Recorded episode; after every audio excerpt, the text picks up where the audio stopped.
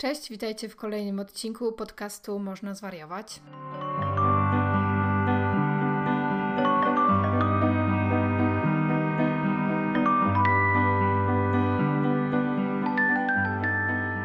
Dzisiaj porozmawiamy o czymś, o czym już e, wcześniej rozmawiałyśmy kilkukrotnie, czyli o depresji. W sumie jest to taki najbardziej powszechny i popularny temat, y, kiedy mówi się o zdrowiu psychicznym w ogóle, czy o zaburzeniach zdrowia psychicznego. Rozmawiałyśmy już kilka razy i ja też wspominam kilka razy o tym, że leczę się na chorobę afektywną dwubiegunową, ale jak możecie wiedzieć z całego poprzedniego sezonu podcastu, radzę sobie z tym raczej dobrze i większość czasu y, ze względu na bardzo dobrze dobrane leczenie i terapię spędzam sobie w cudownym miejscu remisji. I tak też było. Y, dlatego miałam często poczucie, że jak rozmawiamy o rzeczach związanych z depresją, to to są dla mnie już takie, no nie aż tak bardzo odległe, ale raczej bardziej niż mniej odległe wspomnienia, bo po prostu nie spotyka mnie to już tak cały czas jak kiedyś. A ponieważ to są wspomnienia, to nie jest mi łatwo empatyzować z tym i przypomnieć sobie, jak to było się tak czuć, więc bardzo szybko to zapominam, no bo kto by chciał pamiętać, jak to jest czuć się źle i fatalnie. E, I też wielokrotnie, jak o tym rozmawiałyśmy, miałam takie trochę poczucie, że rozumiem o co chodzi i sama tam byłam, ale już nie do końca jestem w stanie tak um, dokładnie się w ten sposób czuć i dokładnie wiedzieć, jak osoba, która to przechodzi, się czuje, ale szczęśliwie dla tego podcastu e, mi się to ponownie. E, tylko tym razem epizod depresyjny, który niestety mi się przytrafił, wynikał z innych rzeczy niż dotychczas, ponieważ e, będąc w leczeniu, on jest tak ustawiony, że że te epizody depresyjne właśnie mm, mi się nie przydarzają, ale ponieważ musiałam zacząć leczenie w ogóle y, na coś kompletnie innego, ale leczenie lekami, które będzie trwało pół roku, no to teraz jestem jakoś w jakiejś jednej czwartej. I te leki mają w skutkach ubocznych depresję i myśli samobójcze, ale myślałam sobie, że no, że wiadomo, to jest jakiś tam procent i że to mi się nie przytrafi, albo być może mi się nie przytrafi. Poza tym jestem na lekach i jestem e, w kontakcie z psychiatrą i tak dalej, więc miałam to na uwadze, ale myślałam, że już minęły dwa miesiące i będzie wszystko dalej ok przez kolejne cztery. Ale w związku z tym, że te leki wpływają na funkcjonowanie wątroby i to, jak się metabolizują też inne leki, no to niestety doszło u mnie do obniżenia nastroju i yy, uznałam, że to może być fajna ciekawostka i też może jakieś wsparcie dla osób, które same też są w takim momencie, żebyśmy porozmawiały trochę o tym, jak to jest być w epizodzie depresyjnym z perspektywy osoby, która aktualnie jest w epizodzie depresyjnym, a nie z perspektywy osoby, która, yy, dla której to są po prostu jakieś przykre wspomnienia. Ale może zacznijmy od rundki, czyli Ania, z czym zaczynasz? Tak, dla kontekstu nagrywamy to, kiedy jeszcze są wakacje, e, więc to może nie jest jakaś nowość, kiedy to, tego słuchacie, ale właśnie jestem na etapie e, przygotowywania się do, e, do napisania książki. To znaczy, robię sobie research, myślę o czym ona będzie, mniej więcej mam, mam na nią pomysł, ale wiadomo, że to jeszcze właśnie jest ten etap, gdzie, gdzie różne pomysły się zdarzają. E, I w tym tygodniu podpisuję umowę, więc to już się stanie.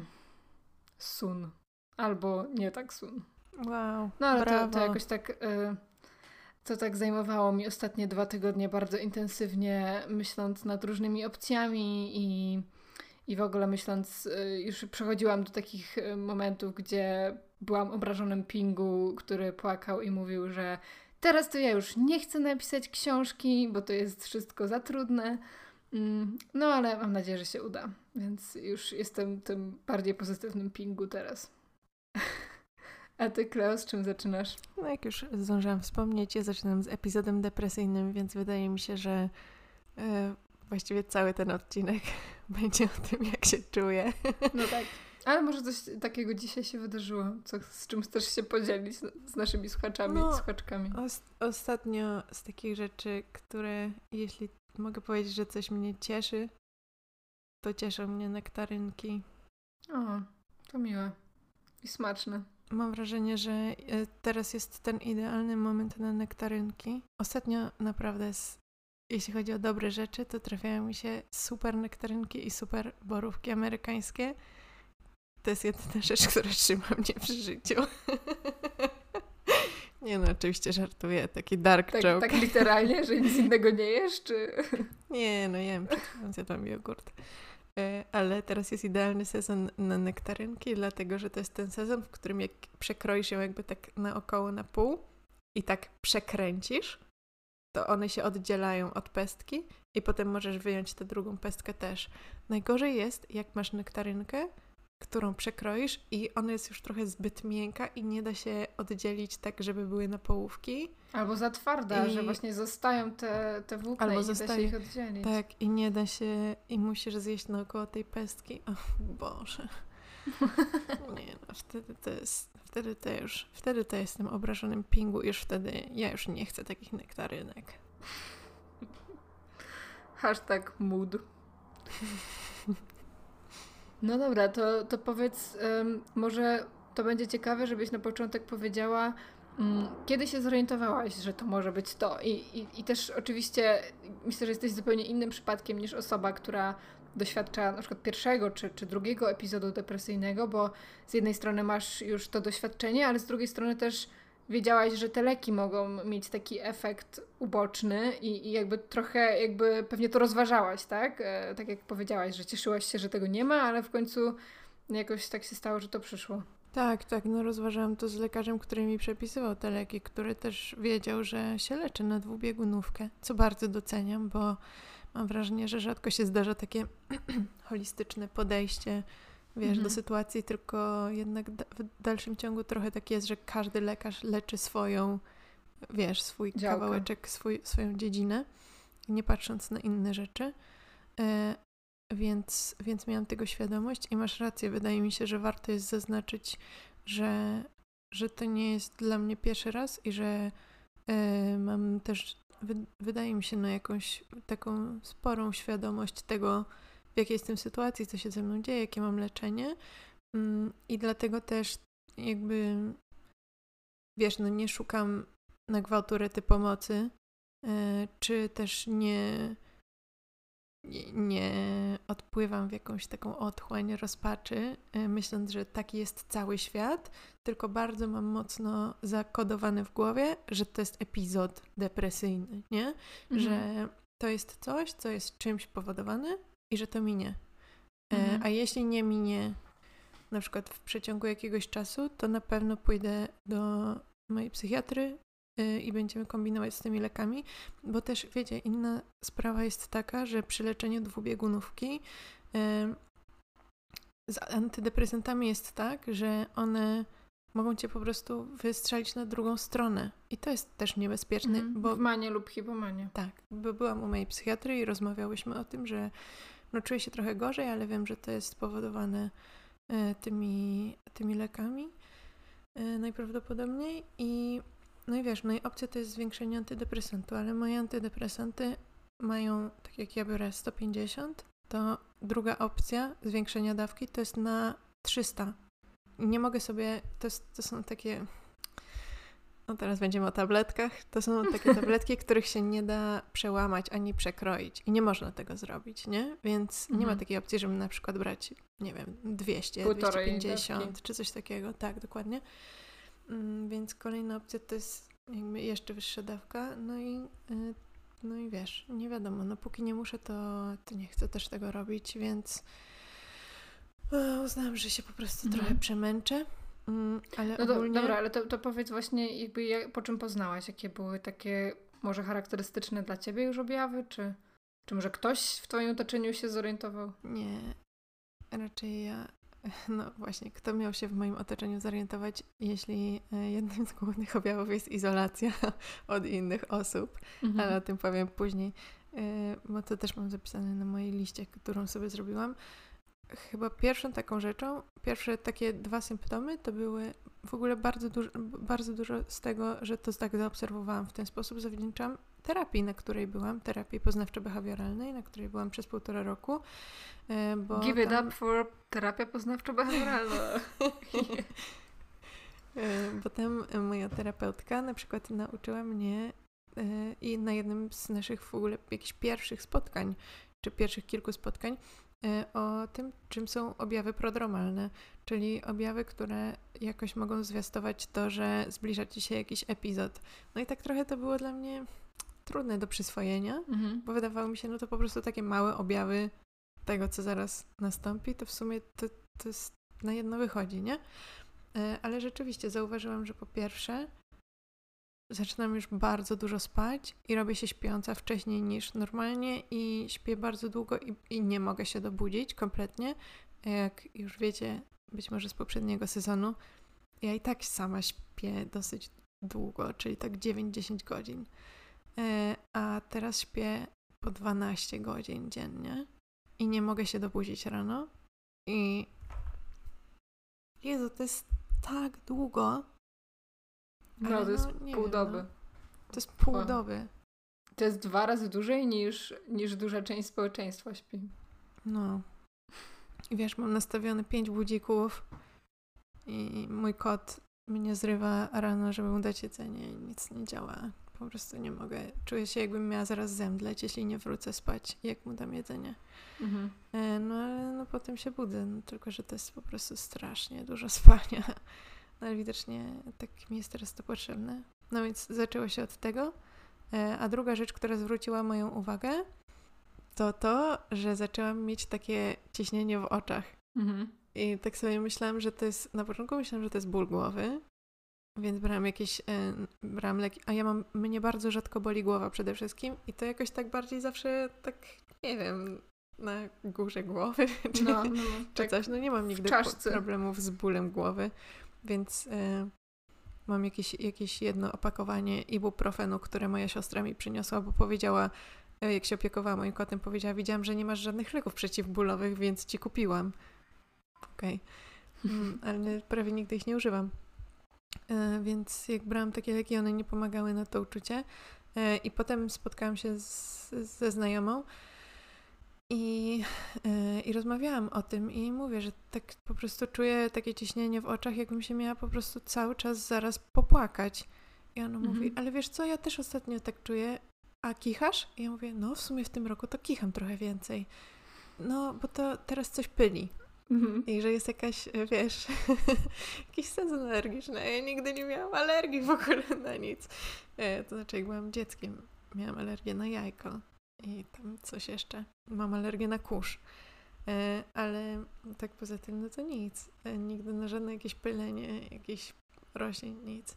I pomyślałam, okej, okay, to może to to wyjaśnia, ale potem szybko się zorientowałam, że, że to raczej nie to, dlatego że jak chwilę dłużej się, no bo zaczęłam się po prostu czuć bardzo smutna i, i dochodziły do tego inne elementy, o których zaraz powiem, ale że jak chwilę bardziej się nad tym skupiłam, że jestem smutna albo że czuję, że jakbym się miała zaraz popłakać, to po prostu się rozpłakiwałam, więc y, to jest po prostu jakieś takie nieustannie towarzyszące uczucie tego, takiego smutku, przez który masz się zaraz rozpłakać. I jakbym teraz jeszcze o tym chwilę pomyślała w taki sposób, na przykład teraz, to zaraz się rozpłaczę. No i już mam łzy w oczach, jak o tym myślę. I, a ja nie mam tak normalnie na co dzień, że po prostu tak mi się chce płakać cały czas. A teraz mi się chce płakać cały czas. Towarzyszą ci wtedy jakieś myśli, że właśnie, nie wiem, myślisz o czymś takim błahym, co się stało, czy typu, nie wiem, no, rozlałaś coś i po prostu masz ochotę się popłakać z tego powodu, bo tak jakoś jest to dosadne, czy to jest nie. takie egzystencjalne? To nie musi być striggerowane niczym. Okej. Okay. Egzystencjalne. To nie musi być striggerowane niczym po prostu. Mhm. No tak jak teraz rozmawiamy i nawet mówię o tym, że czuję, jakbym się miała zaraz popłakać, to się... Jakbym się przed chwilą nie powstrzymała, to bym się zaraz popłakała. Tylko to jest właśnie, wiesz, takie... No po prostu czuję się taka smutna mhm. strasznie. Znaczy nie, może nie aż tak strasznie. Nie tak jak kiedyś się czułam smutna. Dzięki moim dobrym mlekom. Tak, tak myślę, że to jest to, co mnie trzyma w jakichś ryzach. I potem, co sobie myślałam, mm, że kolejna rzecz, która przyszła potem, to było to, że jak czuję się dobrze, jak jestem w, jak jestem w remisji, to umiem więcej dużo być i żyć poza moją głową i jakby w, wiesz, w prawdziwym świecie. A jak jestem w epizodzie depresyjnym i w sumie tak jak ja się czułam większość chyba moich nastoletnich lat czy mojego dzieciństwa, to całe moje życie jakby wiesz, się w drugą stronę zamyka w mojej głowie i coraz więcej czasu spędzam w głowie, coraz, coraz mniej, coraz więcej rzeczy mi się myśli, takich różnych, nie wiem, różnych scenariuszy albo jakichś takich rzeczy, także mogłabym po prostu cały czas leżeć i patrzeć w sufit i myśleć sobie rzeczy. I to nie są jakieś złe rzeczy, w sensie złe rzeczy też, ale nie wiem. No, rozumiem, że, że gdzieś po prostu też chyba tak umysł funkcjonuje, że od jednej jakiejś negatywnej myśli, czy takiej obserwacji, że, że coś jest właśnie, nie wiem, trudne, bez sensu, smutne, przytłaczające, też jakby dalej idziesz w tą stronę po prostu i ciężej jest złapać taki hamulec i powiedzieć sobie, dobra, no ale nie mam na to wpływu, tak? Albo no trudno, muszę zająć się zwykłymi rzeczami, tylko jakby po prostu umysł bardziej angażuje się w te w jakieś smutne wizje i, mm, i różne negatywne myśli.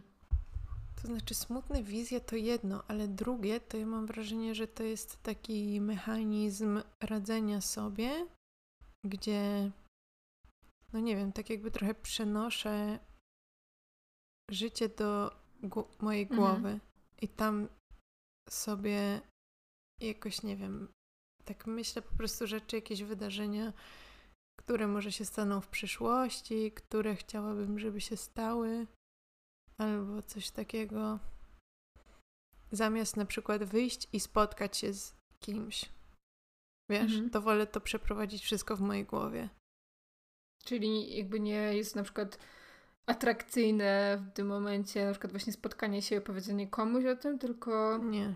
właśnie bardziej ta izolacja i takie przeżywanie wewnątrz. Nie i nie jest atrakcyjny.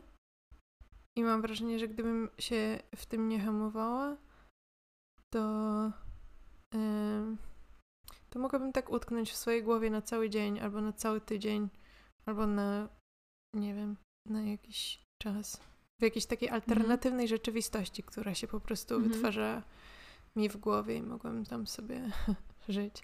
A to, o czym mówisz, no to właśnie. Yy, znaczy, to nie jest tak, że spotkania z innymi ludźmi nie są atrakcyjne dla mnie, ale, na, ale przez to, że automatycznie mm,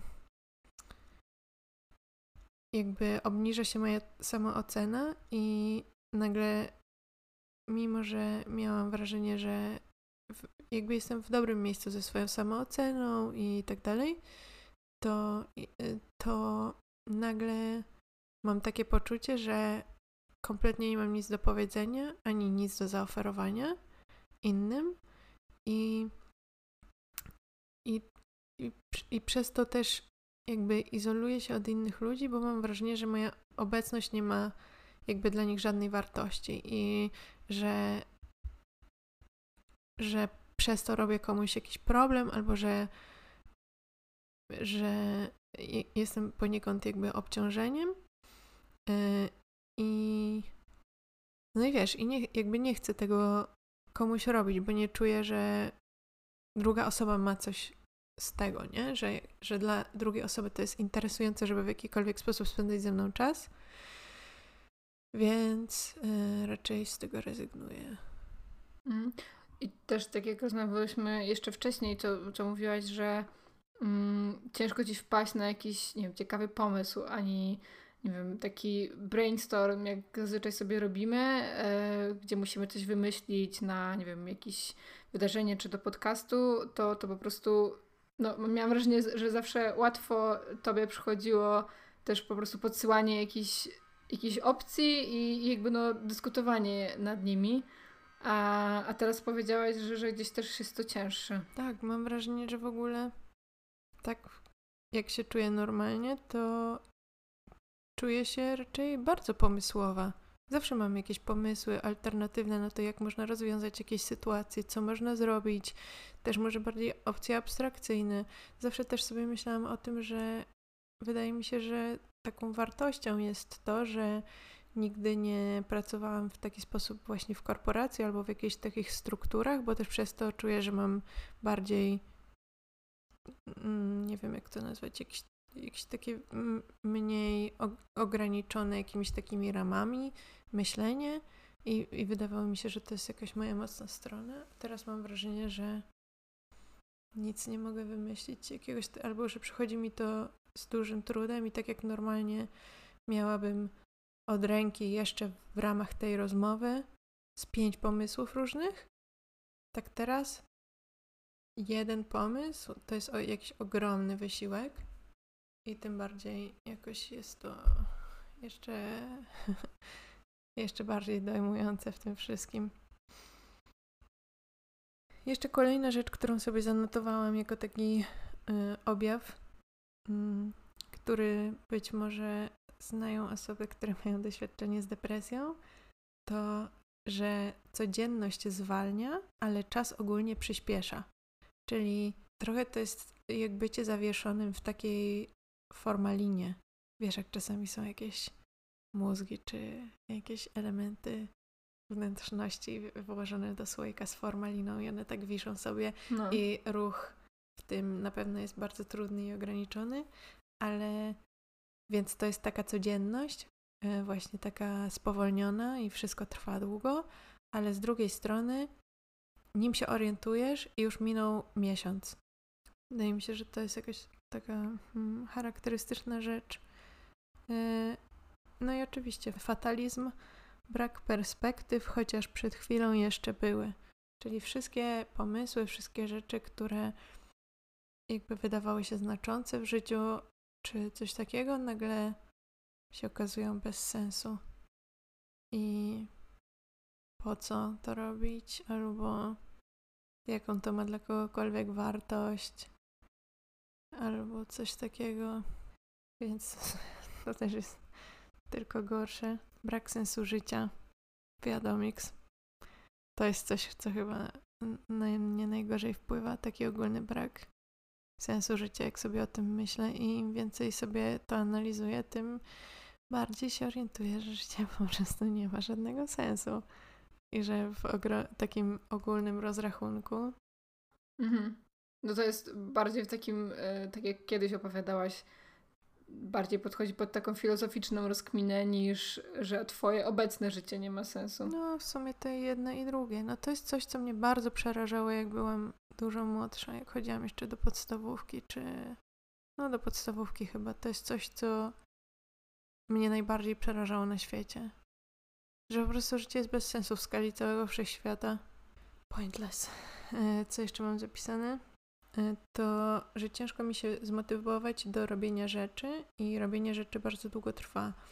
E, I to jest tak, że w ostatnim czasie robię kilka takich rzeczy naraz, takich no ambitnych i które wy wymagają y, czasu i też y, jakoś umówiłam się ze sobą, że, że się chcę cały czas uczyć, że jak nie robię czegoś jednego, to chcę robić inny kurs, więc na bieżąco robię jakiś kurs i do tej pory robiłam swój kurs tak, że trzytygodniową, jakby trzy tygodnie nauki na kursie robiłam w jeden tydzień.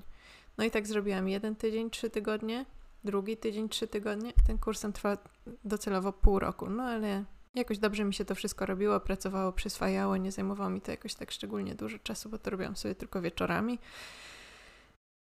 I teraz jestem na czwartym tygodniu od dwóch tygodni na jednym tygodniu. Więc w porównaniu do mojego poprzedniego tempa, gdzie to nie jest jedyna rzecz, którą robiłam, ten kurs oczywiście, ale w porównaniu do mojego poprzedniego tempa, to po prostu wszystko nagle zwolniło. Spowolniło. Ale to, czy to nie jest trochę tak, że właśnie może miałaś y, tak dużo rzeczy właśnie w tym okresie nie wiem, czerwiec, tak? Yy, I, I nie wiem, czy wcześniej, czy później, że właśnie jakoś teraz organizm trochę po prostu potrzebuje zwolnić i to jest taki sygnał, że właśnie, nie wiem, hold on, czy, czy jakby tak... nie czuję, że ja bym miała tyle rzeczy aż. Bo ja zawsze, to znaczy widzisz, jeśli lubisz to, co robisz, to nie będziesz musiała pracować ani jednego dnia w życiu, czy jakoś tak. Więc może to też jest kwestia tego, że ja nie postrzegam rzeczy jako, pra jako praca per se. Wiesz o co chodzi? No tak, i też nie masz takiej pracy 9 to 5, że wracasz i robisz jakiś tak, kurs, tak. tylko po prostu jakby to jest tryb twojego dnia i jakby masz to jakoś z góry zaplanowane, ale no mimo wszystko... Tak, dlatego zamykam komputer o 23.30 pracując. I ostatnia rzecz, jaką sobie zapisałam jako taki objaw, to jakiś czas temu, parę miesięcy temu, rozmawiałam z kimś o tym, że mam wąską grupę przyjaciół i bliskich mi osób, ale ogólnie dosyć dużo czasu spędzam sama.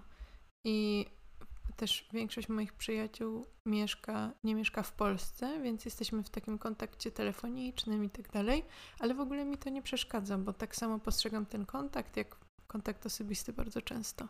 No i ta osoba się mnie zapytała, czy nie czuję się w związku z tym samotna. Mhm. No nie, że teraz nie mam chłopaka, że dużo czasu spędzam sama i tak dalej, i tak dalej. I ja mówiłam, że nie, w ogóle, że w ogóle się nie czuję samotna. I bardzo rzadko w sumie mam takie poczucie samotności, bo naprawdę dobrze spędza mi się czas samej i, i umiem się sobą zająć i lubię robić rzeczy, które lubię i też nie lubię spędzać jakoś tak przesadnie dużo czasu w dużych grupach i nie potrzebuję, no typowy introwertyk. I od tego czasu dwa razy miałam takie uczucie, właśnie poczucie samotności. I teraz mam też takie poczucie, tylko to jest, to nie jest tak, że jakbym była z kimś, to to by się zmieniło. Mhm. Czyli to jest takie dogłębne poczucie samotności, które nie wynika z bycia samą. Kumasz? Trochę oksymoron, ale nie wiem, czy to bardziej wynika z takiego poczucia niezrozumienia, że że jakoś właśnie, nie wiem, jesteś sama na świecie. takie, takie właśnie znowu jakieś trochę bardziej z meta poziomu, czy... No bo to jakby rozumiem, że nie jest tak, że jestem samotna, bo nie mam się komu wygadać, tak? Czy nie mam właśnie nie wiem, z kim się spotkać, tylko... Tak, bo mogłabym podnieść telefon i zadzwonić do przyjaciółki, która by mnie świetnie zrozumiała i jakoś, wiesz, pogłaskała, poklepała po plecach, ale ale nie wiem, co by to miało w sumie zmienić. Ciężko mi to wyjaśnić w sumie, ale, ale czuję, że to jest przejmujące poczucie samotności, które nie wynika z, z bycia samą. Takie bardziej poczucie braku e, wiary w to, że, że te relacje jakoś mogłyby ci pomóc? Nie umiem tego wyjaśnić. No, a ty się e, czujesz samotna? Kiedykolwiek, często? Yy, no, odkąd nie mieszkam sama, to, to nie, ale znaczy miałam momenty, gdzie mieszkałam na przykład ze współlokatorkami, z którymi nie byłam po prostu jakoś w kontakcie, tak po prostu mieszkałyśmy razem. I, I miałam momenty, gdzie czułam się bardzo samotna, bo na przykład, nie wiem, inni moi bliscy znajomi, przyjaciele byli zaabsorbowani czymś innym albo kimś innym i, i miałam takie poczucie właśnie, że, że jestem sama, że faktycznie nie mam do kogo się odezwać i, i tak zawsze rozumiałam tą samotność. A może bardziej to było takie poczucie odtrącenia też? Wydaje mi się, że może to jest też kwestia poczucia takiego samotności, że wiem, że żadna osoba, z którą bym mogła o tym porozmawiać, nie jest w tej samej sytuacji jak ja i nie czuję się tak jak ja, mhm. więc ja się czuję tak trochę za szybą, wiesz, osobna. Może coś takiego? Czyli takie, że nikt mnie nie rozumie. Szósta klasa, e, emo, no nie wiem, może, może coś takiego? Hmm. To Ma to sens? Chcesz przejść do, do tego, mm, jak sobie właśnie radzisz? Jak, e, czy, czy jakoś to doświadczenie Twojej terapii spowodowało, że, że masz teraz właśnie jakieś narzędzie, czy, czy takie przekonania, do których wracasz? A powiedz, jak do Ciebie ktoś przychodzi właśnie z depresją, z epizodem depresyjnym, czy z jakimś obniżonym nastrojem, to Ty zazwyczaj o czym mówisz? Jakie są takie basics, które sprzedajesz swoim pacjentom i pacjentkom, żeby o siebie tak zadbać na co dzień w epizodzie depresyjnym? No, zaczynamy zawsze od psychoedukacji i od zobrazowania takiego błędnego koła, jakie jest połączenie między tymi negatywnymi myślami, a, a emocjami i tym, co, to w, co w ciele i, i też zachowaniem, tak? Czyli jak te negatywne myśli wpływają na smutek, który też wpływa na brak energii, na to, że, że właśnie jest mniej tej aktywności, a, a w drugiej kolejności jest takie um, motywowanie właśnie do do rozpoczęcia jakiejś aktywności, do, do właśnie wychodzenia gdzieś, tak? Wychodzenia z domu, czy wychodzenia do ludzi. Um, no i też jakby w dalszym, dalszym, um, na dalszym etapie praca nad przekonaniami, nad rozpoznawaniem zniekształceń poznawczych, tak? Czyli takim takiego uczenie się takiego bardziej racjonalnego i otwartego myślenia, a nie tylko zamkniętego na tą wąską, mm, taką wąską ścieżkę, sytuację. Ale teraz, jak mnie o tym zapytałaś, to szczerze mówiąc, dawno nie miałam takiej osoby, która była w takim typowo epizodzie depresyjnym. O, naprawdę? Zdecydowanie więcej zaburzeń lękowych. Zdecydowanie więcej. I zaburzeń osobowości. To ciekawe. No to to, o czym powiedziałaś, to też jest właściwie dokładnie coś, co ja się staram robić, ale wypisałam sobie takie bardziej konkretne przykłady z, z mojego życia. I tak jak już kiedyś chyba w odcinku o. Chyba w odcinku o depresji opowiadałam o mojej przyjaciółce, która y, pomogła mi jakoś się z tego wydostać poprzez proszenie mnie o pomoc. Y, I wtedy też chyba mówiłam właśnie o tym, że dystrakcja to jest super sposób zawsze. On nie, to nie jest tak, że on wyleczy cię z, e, z, z obniżonego nastroju czy ze złego samopoczucia, ale odwracanie swojej uwagi ma, mimo że nie brzmi jakoś szczególnie, to moim zdaniem ma naprawdę wielką mhm. moc. I, I robienie takich rzeczy właśnie, które, e, które odwracają twoje myśli od tego, jak wiesz, jak się fatalnie czujesz i jaki świat jest chylący się ku końcowi. A jeszcze najlepsze jest to, że wczoraj wyszedł nowy raport IPCC. A propos świata chylącego się ku upadkowi. Mm. Ale z takich e, przykładowych rzeczy, które robię, to na przykład to jest w ogóle śmieszna rzecz i to, to przyszło mi jakoś tak naturalnie, w sensie samo z siebie i nie potrafię znaleźć w tym jakiejś takiej ra racjonalnej przyczyny, ale to już widzę, to jest trzeci raz, jak to robię, jak się czuję źle. Samo z siebie, nie szukam tego. Mm, bo mam wrażenie, że, że przez to, że, że widzę, że mam tendencję do tego, żeby odpływać w swoją głowę i do środka, to szukam jakiejś takiej kotwicy w rzeczywistości. I tą kotwicą zazwyczaj jest coś, co mogę oglądać i słuchać jednocześnie. Czyli no. wow, po prostu opisałam, czym jest film. Może to dlatego e, jest taka nowość, bo więcej słuchasz po prostu książek i podcastów niż oglądasz filmy i seriale. Tak, ja mało, mało korzystam w ogóle z, z Netflixa czy coś, ale a w ogóle najwięcej przez ostatnie, nie wiem, jakieś 5 miesięcy to w ogóle e, konsumowałam wyłącznie treści edukacyjne. E, na różne tematy, którymi akurat się interesowałam, ale e, po prostu robię e, jakoś automatycznie robię coś takiego, że szukam jakiejś takiej kotwicy w rzeczywistości, która jest stała, dostępna w każdej chwili i na, w najlepszym razie ma jakieś 500 sezonów, czy tam 500 odcinków, czy coś takiego, żeby, wiesz, że jeśli chcę przez cały dzień oglądać tylko to, to żeby to było dostępne. Ale też jednocześnie nie jest to tak absorbujące, że nie mogę robić innych rzeczy w tym czasie, na przykład jedzenia albo tam coś innego, wiesz, robić.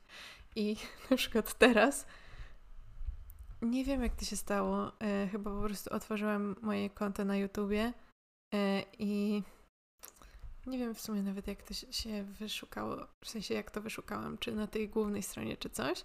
Teraz moją kotwicą rzeczywistości są dwie youtuberki z Korei. W sensie one nie są, one są dziewczynami z Polski, które mieszkają mhm. w Korei i w taki sposób w ogóle, wiesz, nieprofesjonalny, czy jakiś taki w taki bardzo domowy sposób, taki vlogowy wręcz, pokazują jakieś swoje życie w Korei, y, swoje jakieś tam, nie wiem, jakieś ciekawostki o Korei. Najlepsze jest to, że mnie Korea w ogóle nie interesuje. Wiesz, w ogóle ani nigdy nie chciałam tam pojechać, ani mnie nie interesuje jakieś, nie wiem, tam jakieś. Y, no nic w ogóle, nic mnie nie interesuje, jeśli chodzi o Koreę. Y, ale interesują mnie po prostu ciekawe rzeczy. Wiesz, i te dziewczyny opowiadają o, o Korei, o tym jakieś, o jakichś rzeczach, które tam znalazły ciekawe i o tym, jak wygląda ich życie tam. Ale przede wszystkim one mają y, masę kontentu.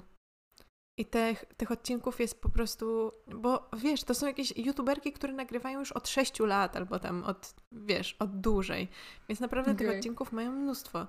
I to nie jest tak, że to wszystko mnie w ogóle interesuje, ale jest jakieś nowe, angażujące. Jest, jest nowe, angażujące. Tak, tak, ciekawostki, wszystko co lubię. E, I. Szkoda, że nie masz długich włosów, bo wciągnęłabyś się może we włosomaniactwo. Tam jest po prostu niezliczona ilość kontentu na YouTubie. O, może, tak.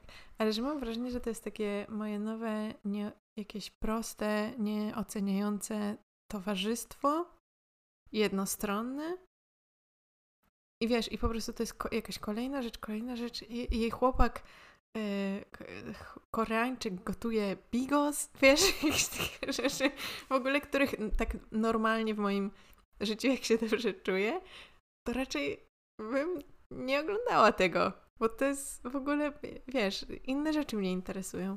Ale tutaj na przykład czuję w tym bardzo duże wsparcie.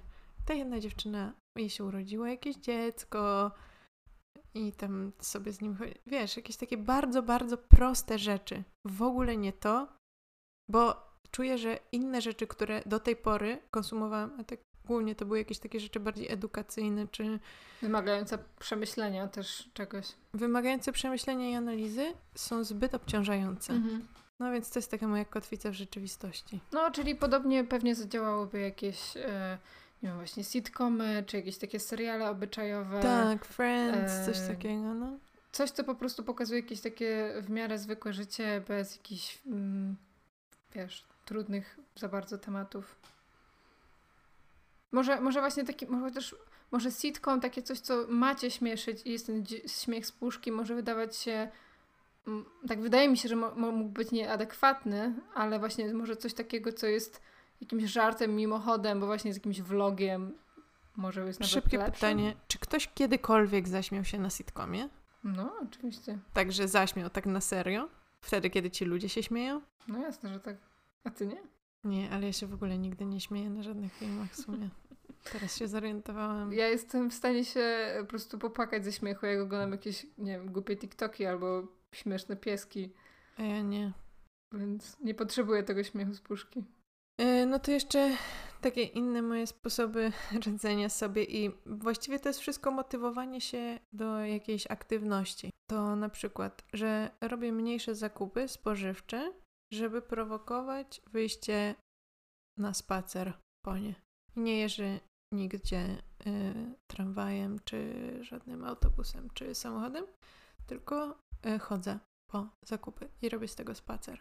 No i w ogóle spacer, staram się chodzić na spacery, bo wiem, że to mi dobrze robi, ale żeby się jeszcze bardziej do tego motywować, to umawiam się ze sobą, że jak wyjdę na spacer, to posłucham sobie podcastu, a że w domu nie mogę. O. No ale to się kończy trochę tak też czasami, że wracam ze spaceru i tam jeszcze kończę podcast w domu i czasami się kolejny odcinek odtworzy, ale ogólnie staram się mieć taką zasadę, że słucham podcastów tylko w ruchu, jak gdzieś idę, czy jak gdzieś jadę, czy coś takiego, żeby, mhm. a nie w domu.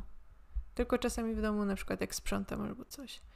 E, no i chodzę na wspinanie. Wróciłam y, do chodzenia na wspinanie, bo już są otwarte miejsca i nawet jak czuję, że nie mam siły na to i nie mam ochoty, to minimum dwa razy w tygodniu idę na wspinanie. No i na przykład wczoraj byłam E, być może e, z 20 minut przesiedziałam tak z głową w kolanach, bo, bo z głową w kolanach Ale było, przed? było mi smutno i nie miałam na nic ochoty. Ale przed czy po? Nie no, jakoś tak w trakcie. Okej. Ale podczas wspinania też sobie słucham podcastów. E, to znaczy wspinania e, na e, baldach, nie na wysokich ścianach.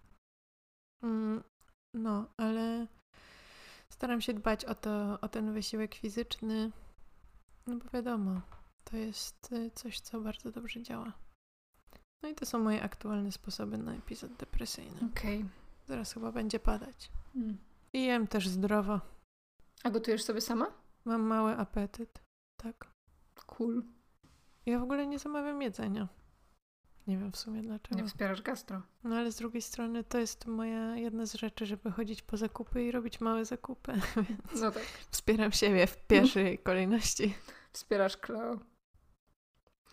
Dobra, to jako, że też powiedziałaś, że mm, no oczywiście to nie jest tylko twoja decyzja, ale też twojego lekarza czy lekarki, że nie zwiększasz dawki antydepresantów, to chciałam zrobić taką e, checklistę, e, co robisz z tej listy mojej, znaczy nie mojej, tylko oczywiście pytanie na śniadanie, żeby starać, to jest cytat, starajmy się zażywać tych leków jak najmniej. A więc jeśli bierzesz jak najmniej, O Boże. to e, proszę.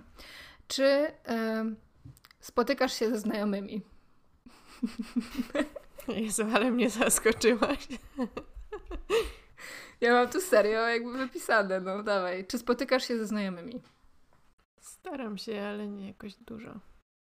Czyli tak pół, pół gwiazdki można dać. No, myślę, że jedną czwartą gwiazdki. Okej, druga rzecz to sport, sport, sport. To jest też cytat. No, jak wspomniałam, y, robię sport, sport, sport. Okej, czyli możesz robisz spinaczkę i spacery. Czyli w sumie sport, sport, ale czy robisz sport, sport, sport? O shit. Y, co Może, jeszcze może robię? jeszcze jeździsz na rowerze. A, jeżdżę na rowerze na wspinanie, to prawda. O, no to tak, to masz, masz całą gwiazdkę przyz, przyznaną. Sukces. Dobra, to trzecia rzecz. Można też jeść. Czy jesz? Tak. Jem. A czy można jeść i chrupać? Czy chrupię? Tak, y, chrupię również. Okej, super. To masz przyznaną gwiazdkę. E, kolejna, czwarta rzecz. Głowy do góry. Czy masz głowę do góry? No, w sumie. No tak y, fizycznie to myślę, że masz, chyba że leżysz. No Tak. to A jak wiadomo, leżę dużo. jak, jak dużo śpisz, no to tak może pół na pół, nie? Okej. No i piąta rzecz, finalna.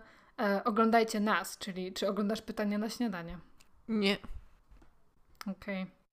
No to tutaj nie, nie będzie gwiazdki. I myślę, że to może być przyczyną tego, dlaczego się źle czuję. Mhm. Bo nie oglądam pytania na śniadanie ani TVPiS. No tak, to mm, idąc z tym takim myśleniem, y, powinnam ci zalecić oglądać pytanie na śniadanie, natomiast obawiam się, że to mogłoby mieć. to nie jest nawet o tej porze, o której ja wstaję przecież. To wstawaj wcześniej. Wszyscy ludzie sukcesu wstają wcześniej. Widzisz, dla, dlaczego? Dlatego, że oglądają pytanie na śniadanie. Nie no, dobra. E, to był Racja. A jeszcze przecież przed pytaniem na śniadanie był taki program, agrobiznes. jakiś taki o, o tak, agrobiznes. To jest chyba po pytaniu na śniadanie. E, Jak ci się podobał mój quiz? Y, Zaskoczył mnie ten quiz. Mm, Ale dobrze ci poszło. tak, też mi się wydaje, że całkiem dobrze mi poszło, że też e, szczęśliwie udało nam się znaleźć przyczynę mojego epizodu depresyjnego, więc y, od jutra będę miała nastawiony TV i po prostu będzie się odtwarzało samo i może wejdzie w, moje, w mój mózg tak jak um, omlet de fromage w laboratorium Dextera. Czyli on spał, a tam się odtwarzało i no i co? I jaki był skutek? No, świetny. E, Wrócimy z, z informacją, czy faktycznie to Kleo pomogło. Za parę odcinków się Za parę dowiecie. odcinków będę mówiła tylko tekstami z pytania na śniadanie. to wtedy oznacza, że tak. Ja myślę, że to był bardzo e, mhm, krzepiący odcinek i fajnie też widzieć, że, że właśnie masz tę strategię i mimo, że one nie poprawiają tego nastroju jakoś diametralnie, że jednak stosujesz je i, i właśnie jesteś aktywna, starasz się być aktywna. Mm, no bo tak naprawdę nie wiemy, co by się stało, gdybyś tego nie robiła i jak, wiesz, jak głębiej by to postępowało, nie? Więc to jest trochę takie działanie prewencyjne. Myślę, że to by było tak, żebym po prostu odpłynęła y, w otchłań w mojej głowie i zobaczyłybyśmy się za pół roku. Tak jak y, już raz miało to miejsce. Wiesz, bo uważam, że naprawdę w tym epizodzie świetnie sobie radzę. Jak myślę też o poprzednich sytuacjach. I, i jestem w stanie tak y, funkcjonować i może tam sobie czasami popłaczę, ale wiesz, ale, mhm. ale no, to też chyba jest kwestia y, tego, że to przychodzi z doświadczeniem i z tym, że wydaje ci się, że na początku ci się wydaje, że, że po prostu nie możesz robić rzeczy, ale potem rozumiesz, że fizycznie możesz robić te rzeczy, po prostu w głowie się czujesz tak. I mam nadzieję, że ten odcinek jakoś wesprze osoby, które bywają w epizodzie depresyjnym ja też w nim bywam, chociaż wolałabym nie być. Mam nadzieję, że to szybko minie i wy również trzymajcie się. Może zastosujcie kilka z moich super trików. No dobra, to trzymajcie się i do usłyszenia. Pa! Pa!